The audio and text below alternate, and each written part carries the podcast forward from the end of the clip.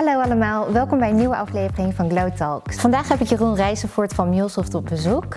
En Jeroen is al drie jaar werkzaam bij MuleSoft en vervult daar de rol van Strategic Client Architect. In zijn dagelijks werk adviseert hij verschillende organisaties en klanten op het gebied van integratie, API management en API strategie.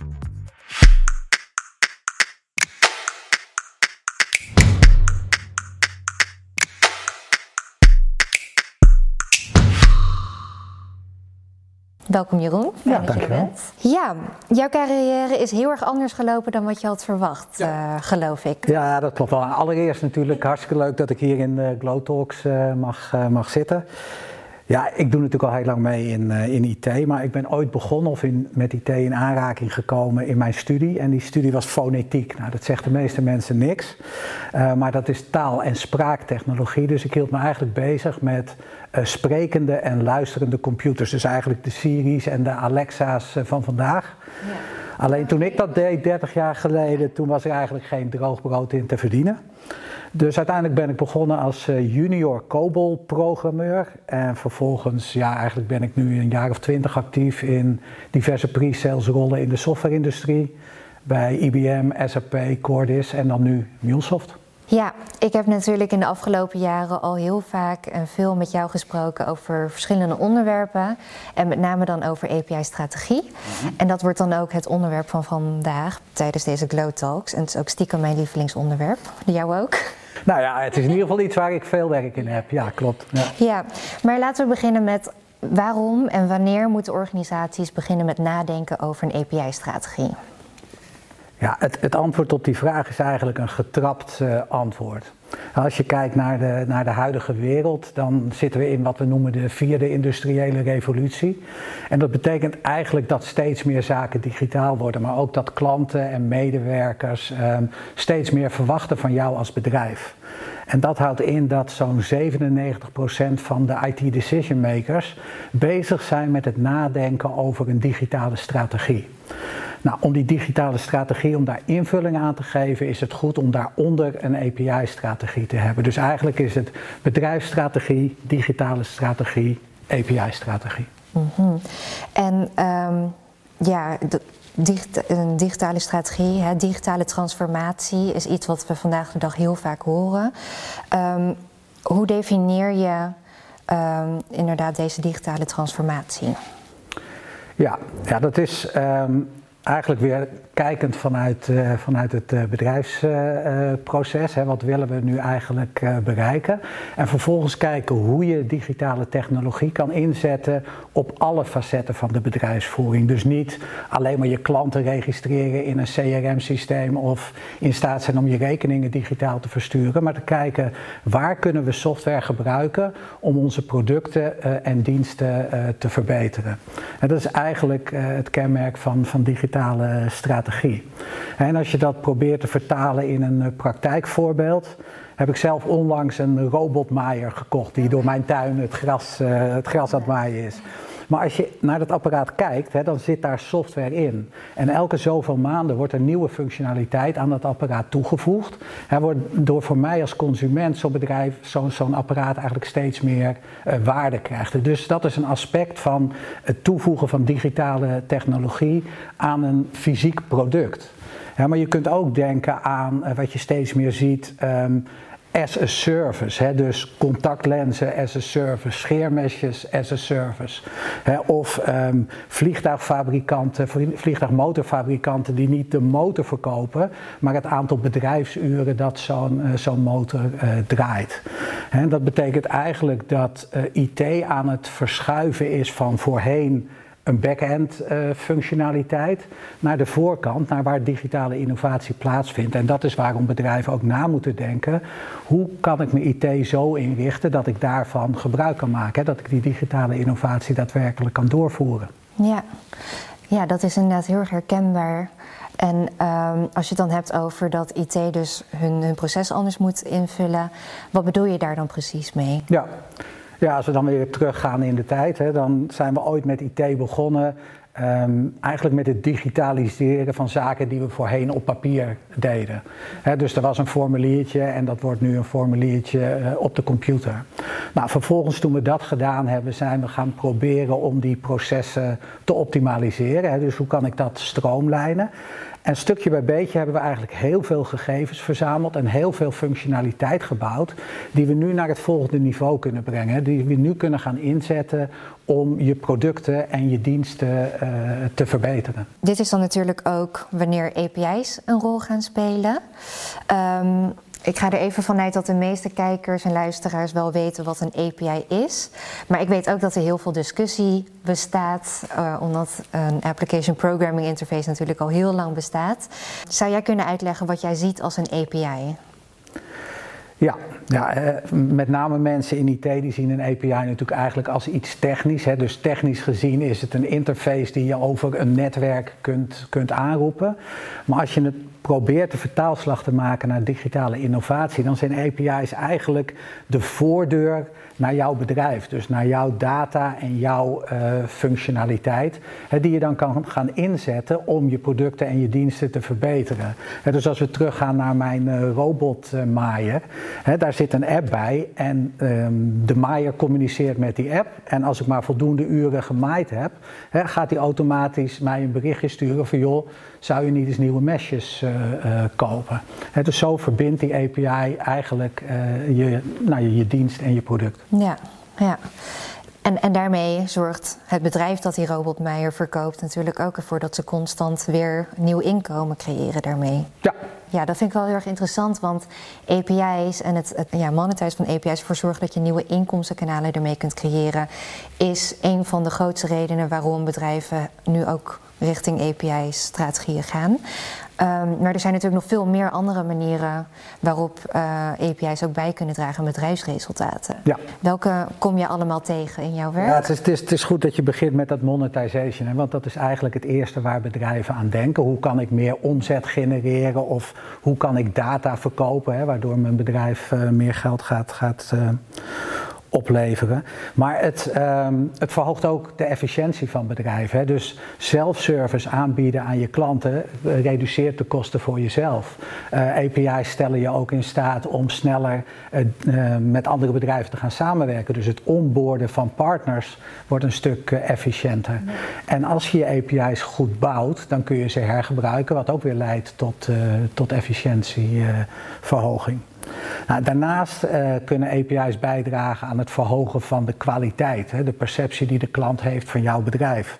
Hè, als je alle informatie die je hebt over een klant bij elkaar kunt brengen in een integraal klantbeeld, hè, dan kun je zo'n klant veel beter bedienen of kan de helpdesk zo'n klant uh, veel beter uh, bedienen. dus kwaliteit is, is iets wat ook verhoogd wordt. en als jij een app in de markt zet en je kan op basis van locatiegegevens je klant beter bedienen, dan is dat ook weer iets hè, wat bijdraagt aan de perceptie van je bedrijf en wellicht dan ook uh, aan de omzet. Um, ja, en tenslotte is er dan nog het aspect agility of wendbaarheid. Hè. Hoe snel kun je als bedrijf jezelf aanpassen aan, aan marktomstandigheden?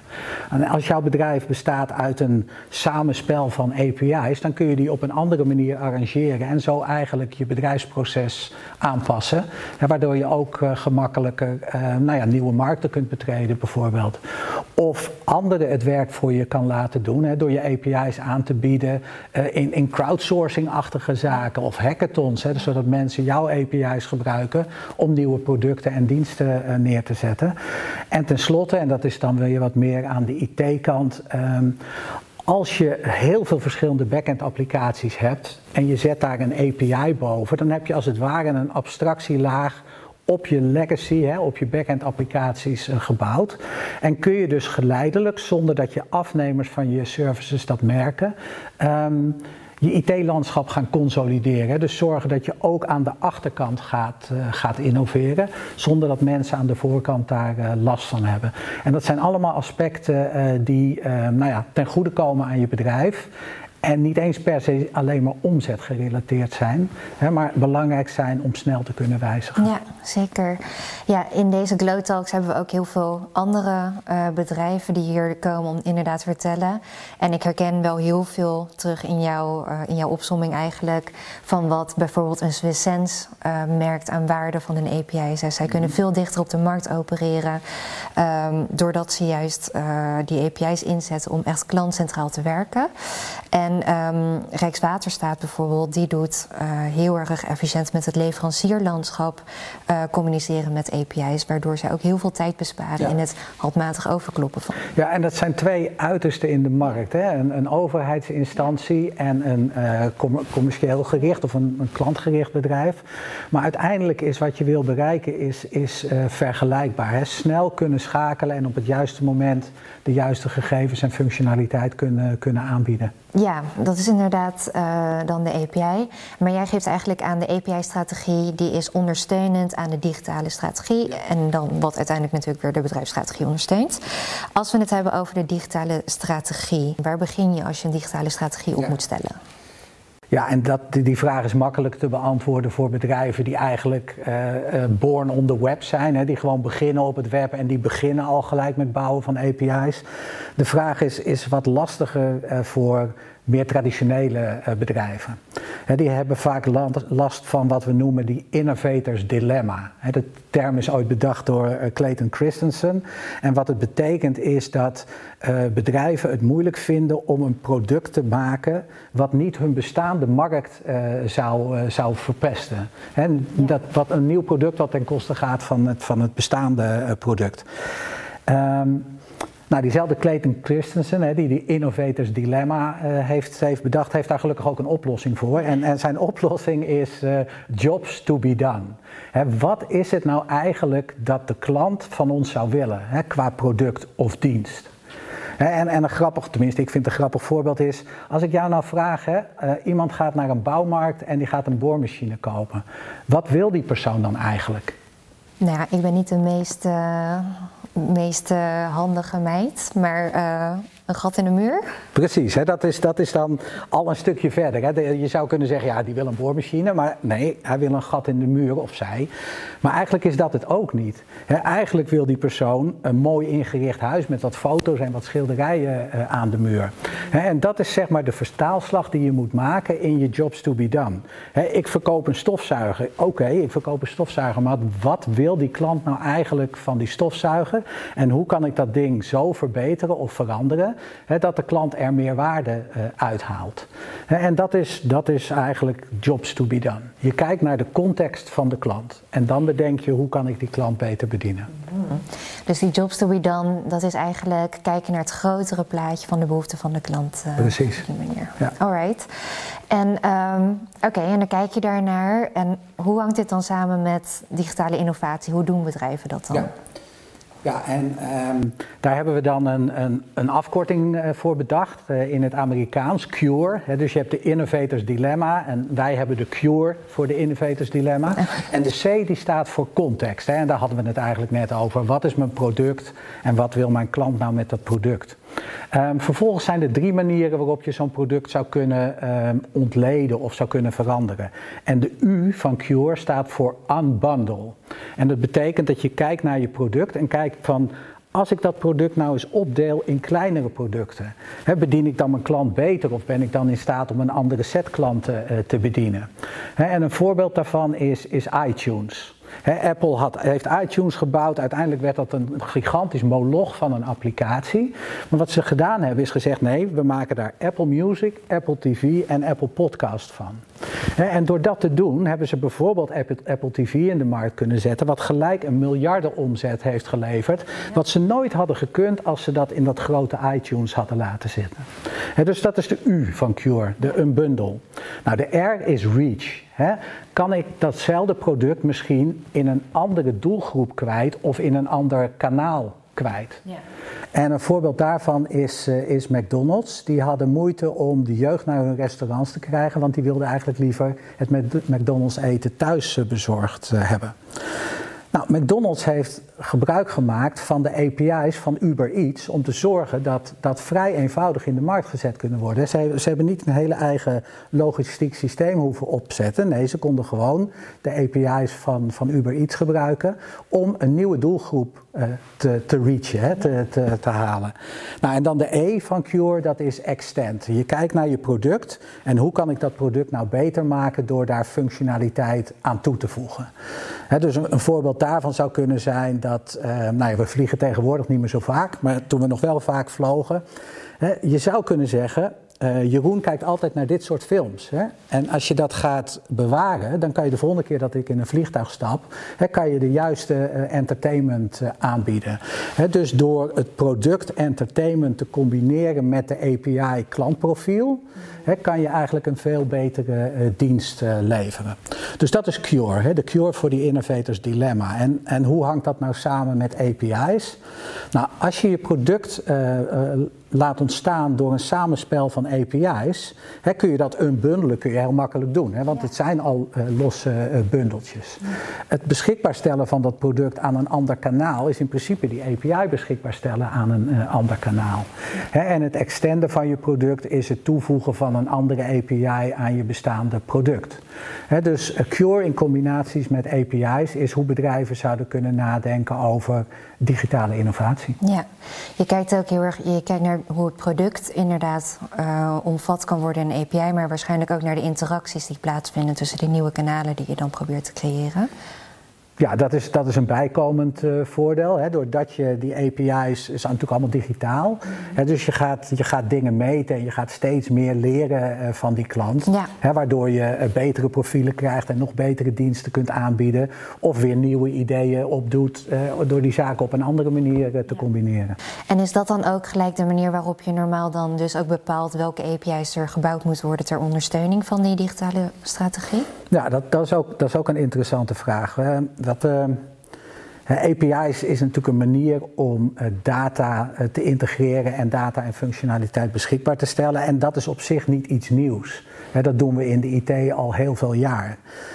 Maar wat we in het verleden wellicht niet goed gedaan hebben, hè, bijvoorbeeld toen we nog service-oriented architectuur deden, was dat um, er vanuit IT eigenlijk al een hele set van services gebouwd werd in de veronderstelling dat de business uiteindelijk die services wel nodig uh, zou hebben. En uiteindelijk wilde de business natuurlijk net iets anders en hebben we een hele berg geld geïnvesteerd in iets wat uiteindelijk niet gebruikt werd. Dus wat we nu willen doen met klanten is wat we noemen design first. Dus we gaan een businessprobleem adresseren en dat gaan we ontwerpen van voor naar achter. En alleen als dat een interessant businessprobleem is, gaan we ook daadwerkelijk dat implementeren. Dus design first kijken we naar onze integraties. En dat betekent ook dat we die API's alleen maar bouwen als ze noodzakelijk zijn. En door te kijken naar een portfolio van projecten die je op je af ziet komen, kun je ook gaan herkennen welke stukjes functionaliteit in meerdere projecten noodzakelijk zijn. En dat betekent dat je kunt gaan werken aan herbruikbare API's.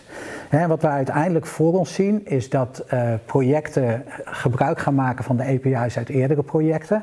En er eigenlijk een application netwerk ontstaat. Dus een netwerk van API's die gebruikt worden om een bepaald stuk business functionaliteit uh, te leveren. Maar waarbij eigenlijk elk volgend project eenvoudiger te implementeren is. Omdat het kan bouwen op wat je in de eerdere projecten al hebt gedaan. Dus als jij in een eerste project een catalogus API hebt gebouwd met al je producten ja, in het volgende project hoef je dat niet meer te doen. Of een klantprofiel of een, een, payment gateway, al dat soort zaken die je vaker nodig hebt, dat zijn eigenlijk de zaken waarmee je zou uh, willen beginnen. En dan niet uh, vooruitlopend op de markt, maar als de markt erom vraagt. Dan bouw je ze en je bouwt dat portfolio geleidelijk uit. Ja, en dat is natuurlijk wel ook heel erg interessant om te zien, want in de tijd van service-oriented architecture hadden we ook te maken met hele andere mensen um, die, be, die bepaalden wat er in een API of een webservice kwam. Um, en vandaag de dag hebben we veel meer business involvement vanaf het begin om echt werkelijk de functionaliteit uit te stippelen voordat we beginnen ja. met bouwen. Ja, we noemen dat binnen MuleSoft het democratiseren van IT. dus het is niet alleen maar meer centraal IT-afdeling die uh, integraties en API's bouwt. ook line of business IT moet in staat zijn om met die API's uh, te, kunnen, te kunnen werken. en dat stelt dan onmiddellijk ook eisen aan het, uh, aan het platform wat je gebruikt om, om je digitale strategie te implementeren. Ja, ja. Um, op het platform wil ik zo meteen terugkomen. Um, je hebt nu net uitgelegd dat je dus inderdaad je digitale strategie middels Cure dan uh, kunt, uh, kunt ja, exploreren en achterhalen dan vervolgens welke API's je nodig hebt. Um, dat is dan ook gelijk het fundament waarschijnlijk van je API-strategie. maar wat komt daar nog meer bij kijken? Want de strategie omvat natuurlijk veel meer andere onderdelen ook. Ja, je moet die strategie eigenlijk gaan implementeren. Ja. dus de basis voor je strategie is, is je missie of je doelstelling, die natuurlijk weer gerelateerd is aan, aan je bedrijfsdoelstellingen. Maar daaronder zitten dan eigenlijk een viertal uh, plannen dus je moet nadenken over een API-productplan. welke API's heb ik nodig? Hoe zorg ik dat ik die, die API's ook daadwerkelijk als product in de, in de markt zet, inclusief de marketing en wat erbij komt kijken. Dus het API-productplan eh, is één. Een organisatieplan is twee. hoe gaan we zorgen dat we onze organisatie zo inrichten dat we die agility met die API's ook, uh, ook halen? Uh, vervolgens moet je een, een platformplan hebben. welke technische componenten zijn er wanneer uh, nodig om dat plan te implementeren? En tenslotte moet je nadenken over het ecosysteemplan. Wie, wie gaan er eigenlijk allemaal gebruik maken van die API's? En welke andere stakeholders moet ik bij mijn API-strategie betrekken?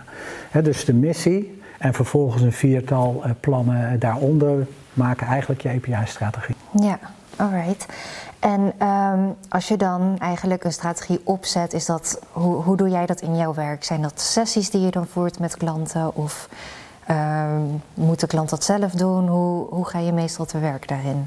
Ben ik benieuwd. Ja, nou, je, hè, um, je, je, ziet eigenlijk twee aspecten in de markt. Hè. Je ziet nog steeds bedrijven die dat doen vanuit de IT-functie. Van jongens, API, hè, dat is de moderne manier van integreren, dus laten we dat gaan doen. Um, wat ik probeer met klanten is die API's niet een doel op zich te maken, maar te kijken hè, wat is nou eigenlijk de relatie tussen jullie API's en, en de bedrijfsstrategie. Want dat is de enige manier waarop je de juiste prioriteiten uh, kunt neerzetten. En eigenlijk ook de enige manier waarop je budget krijgt. je krijgt geen budget om een mooi laagje API's te bouwen. Je krijgt budget om 20% meer klanten te krijgen in segment X of Y. Dus wat we proberen eh, met, met klanten van MuleSoft is ook dat aspect mee te nemen. Dus als ze vanuit de technische hoek komen, te kijken naar welke business angle zit erbij om die twee met elkaar te verbinden. Of andersom. Als mensen komen met hoogdravende plannen over het monetizen van API's ja, dat is leuk, hè, maar laten we ook eens kijken wat je allemaal aan spulletjes hebt en hoe gaan we dat dan netjes technisch bij elkaar uh, brengen. Dus beide hoeken uh, pakken, we, pakken we op. Zeker, heel erg herkenbaar inderdaad. En die gesprekken die vinden nu steeds vaker plaats van of mensen die inderdaad hebben gehoord van jongens, API is the way to go, let's do it. Ja.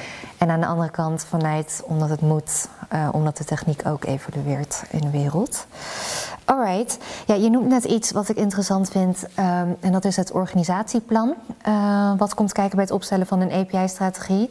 Ik merk inderdaad heel erg dat uh, men zich vaak niet realiseert hoeveel erbij komt kijken rondom je organisatie. Dus mensen moeten opgeleid zijn, mensen moeten erachter staan, begrijpen wat de waarde is van, van de API.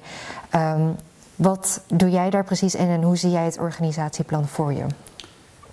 Ja, ook daar zitten eigenlijk weer, weer twee hoeken aan. Hè. Um, omdat um, een API-strategie sterk ge gelieerd is aan de bedrijfsstrategie, werkt het het beste als die strategie top-down wordt, uh, wordt uitgedragen. Dus, dus dat is één aspect.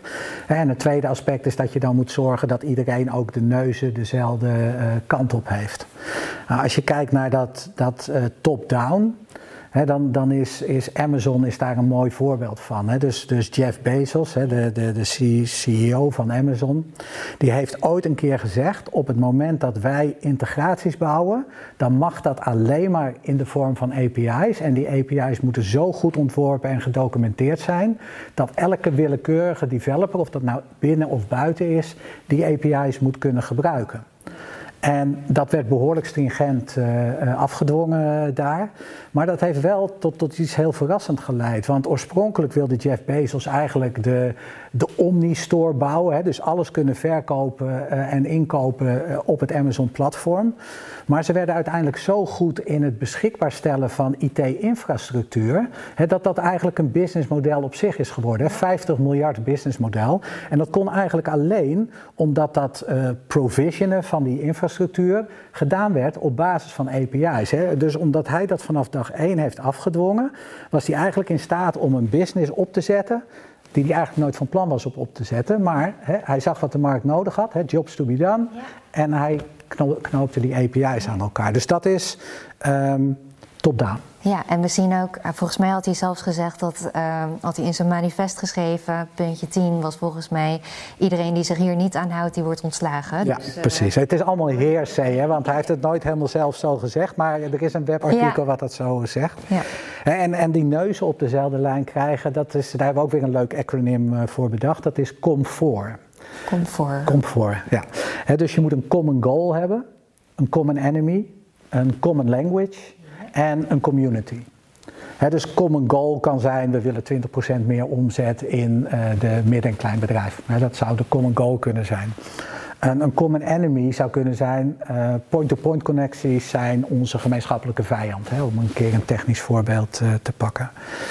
Uh, common language, hè, we moeten wel weten bijvoorbeeld wat onze definitie van een API is. Hè. Wat is een goede API binnen onze organisatie? Een API is puntje, puntje, puntje. Nou ja, en de community, hè, het, het, is belangrijk om de mensen bij elkaar te houden in, die, in dat gemeenschappelijke doel. En dus dat zijn de aspecten waarbij je, waar, nou ja, waar je je op moet richten als het om de organisatie uh, gaat. Ja. Top-down en comfort. Comfort, dat is com 4. Com 4. Com uh, comfort, 4, ja. Alright, en dan um, comfort, je hebt het opgesteld. Um, alsnog, hoe zou je dan de structuur van een organisatie neerzetten als het aankomt tot je API-strategie? Ja, structuur is, is, is een aspect. Um, maar eigenlijk is ook een mindsetverandering uh, nodig. Traditioneel IT, back-office, lange projecten um, heeft geleid tot een bepaald profiel bij, bij klanten. Dus er zijn een aantal zaken die je moet, uh, moet doorbreken. Een van de zaken is dat bedrijven in het verleden eigenlijk project per project hun integraties opzetten en zo goedkoop mogelijk. En zo goedkoop mogelijk is voor de lange termijn niet goed. Dus je moet eigenlijk af van denken in zo goedkoop mogelijk naar zoveel mogelijk opleveren op de lange termijn.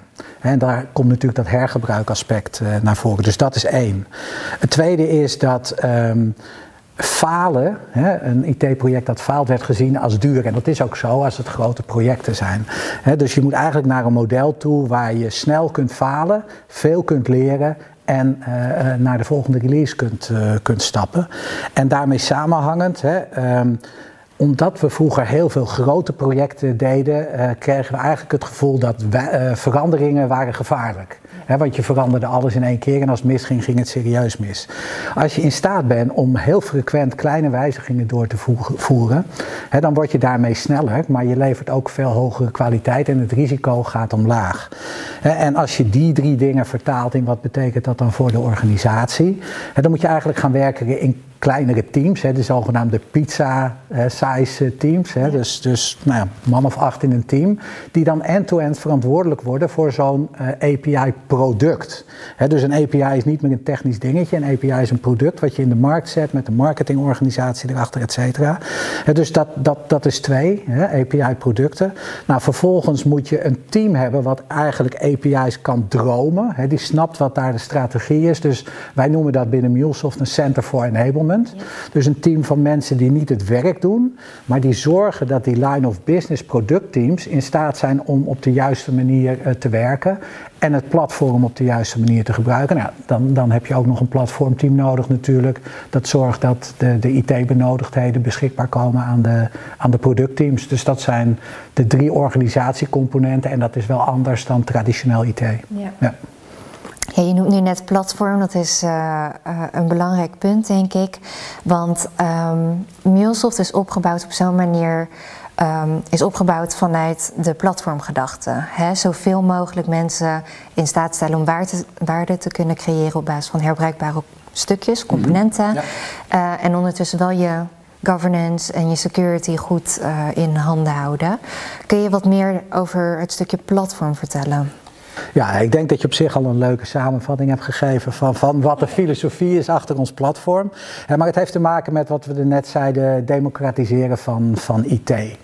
Dus als je kijkt naar traditioneel een manier van API's en integraties doen, dan is er een, een centrale IT-functie die beheert een enterprise eh, service bus en die zorgen voor de integraties.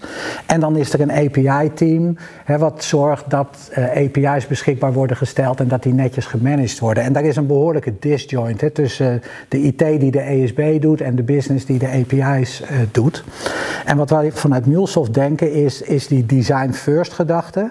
dus laten we nou met business en IT samen die API's designen en het niet daarbij laten. Ook zorgen dat je die API's dan ook kunt implementeren en door een complete lifecycle kunt halen. Dus dat integraties en API's niet alleen maar een feestje zijn voor IT, hè, maar dat line of business uh, mensen, uh, of line of business IT, daar ook daadwerkelijk iets mee, mee kunnen. Want als alles door IT moet worden gedaan, die hebben onvoldoende bandbreedte om dat te kunnen doen.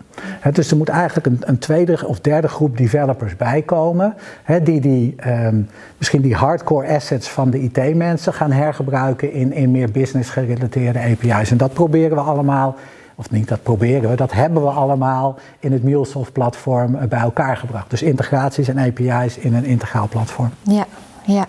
En jullie hebben natuurlijk ook de volledige software development lifecycle in het platform uh, embed. Ja.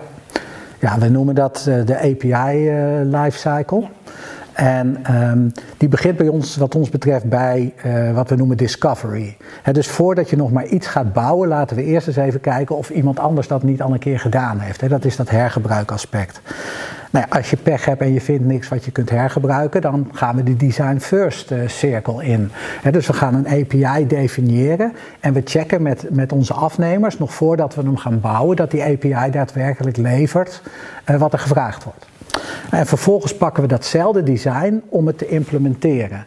dus het is niet een een of ander papieren document wat we over de schutting gooien naar IT. Het is een, een daadwerkelijk werkend ontwerp wat we vervolgens gaan invullen in, in de bouwfase. En in die bouwfase zorgen we er dan ook voor dat we kunnen integreren met alle systemen die je al in huis hebt of die je hebt afgenomen in de cloud. dus een grote set van connectoren die ervoor zorgen dat je met, met, met je backend systemen kunt integreren. Nou, daarna zijn bedrijven bezig om ehm, ook naar de cloud te gaan met al hun applicaties. Dus op het moment dat je integraties en API's wil gaan deployen, kun je dat bij ons doen waar je wil. dus in onze cloud, in je eigen cloud, op je, in je eigen rekencentrum. Dus dat is het, het, het deploy eh, gebeuren. En dan, zoals je net zei, beveiliging. als je API's naar buiten toe beschikbaar eh, stelt, dan open je jezelf ook op voor, voor allerlei mensen die kwade bedoelingen hebben. Dus elke API vinden wij moet in staat zijn om zichzelf te kunnen eh, beveiligen. We noemen dat eh, Zero Trust Security. Elke API is zijn eigen API eh, gateway. Um, en dan heb je uiteindelijk dat applicatienetwerk gebruikt. Maar dan moet je ook nog steeds in staat zijn om dat te monitoren en te managen. dus als je kijkt naar de gemiddelde e-commerce mobiele app, daar zitten vaak 35 verschillende back-end applicaties achter. En als jij dan de helpdesk belt en je zegt mijn app is langzaam, welk van die 35 API's is dan eigenlijk de oorzaak? Dus je moet een platform hebben wat je ook in staat stelt om daar snel doorheen te kijken. Waar gaat het probleem ontstaan en hoe ga ik dat probleem uh, verhelpen? Nou ja, dat zit allemaal in die lifecycle van het uh, MuleSoft Anypoint platform. Ja. En um het belangrijkste deel, vind ik, van het Anypoint platform is dat jullie echt um, niet alleen de interne developers, maar ook de externe developers en gebruikers in staat stellen om zelf op pad te gaan en zelf te onderzoeken of er inderdaad al assets zijn die ze kunnen gebruiken en hergebruiken. Ja. Um, Kun je daar wat meer op inzoomen over dat stukje discovery eigenlijk en, en self-service binnen je ja. Uh, lifecycle? Ja. ja, dat is dan eigenlijk hè, dat stukje wat we zouden vatten in het ecosysteemplan. Ja. Hè, um, wie zijn eigenlijk degene die iets willen met mijn API's. Hè. En de interne en externe developers, dat, dat zijn twee groepen. Hè. Maar je moet ook nadenken over marketing en over uh, mensen van legal of ehm, nou ja, heel veel verschillende stakeholders binnen je organisatie die iets willen of iets moeten met die API-producten die je in de markt zet. Als je specifiek kijkt naar hoe ondersteunen we dan de developer community dan, dan moet je als bedrijf ehm, je API-developers eigenlijk als klanten zien. Zij zijn de klanten van jouw API en dat betekent dat je ze op de juiste manier moet bereiken en moet bedienen. En dan komt dat stuk discovery of ontdekken, is dan eigenlijk het eerste. En daarvoor heb je een, een API-portal nodig, die misschien niet alleen die API's technisch beschikbaar uh, stelt, maar die je ook in staat stelt om interactie te hebben met de API productteams. Hè, en die je in staat stelt om een blog te schrijven of een nieuwsartikel te schrijven of misschien wel om hulp vragen binnen, binnen het portaal. Dus het bedienen uh, van die verschillende groepen developers is, is een heel belangrijk aspect. En dat geldt niet alleen voor je API's die je naar buiten uh, toe beschikbaar stelt. het hele idee achter die API's is hergebruik en kosten reductie middels hergebruik. Dus dat betekent dat die API's makkelijk te vinden moeten zijn en makkelijk te gebruiken moeten zijn. Dus dat is een, een onderdeel van het eh, product waar we inderdaad ook heel veel aandacht aan ja. besteed. Ja. Super. Ja, we zijn alweer aan het einde van deze aflevering gekomen. Um, enorm bedankt als ik het even mag samenvatten.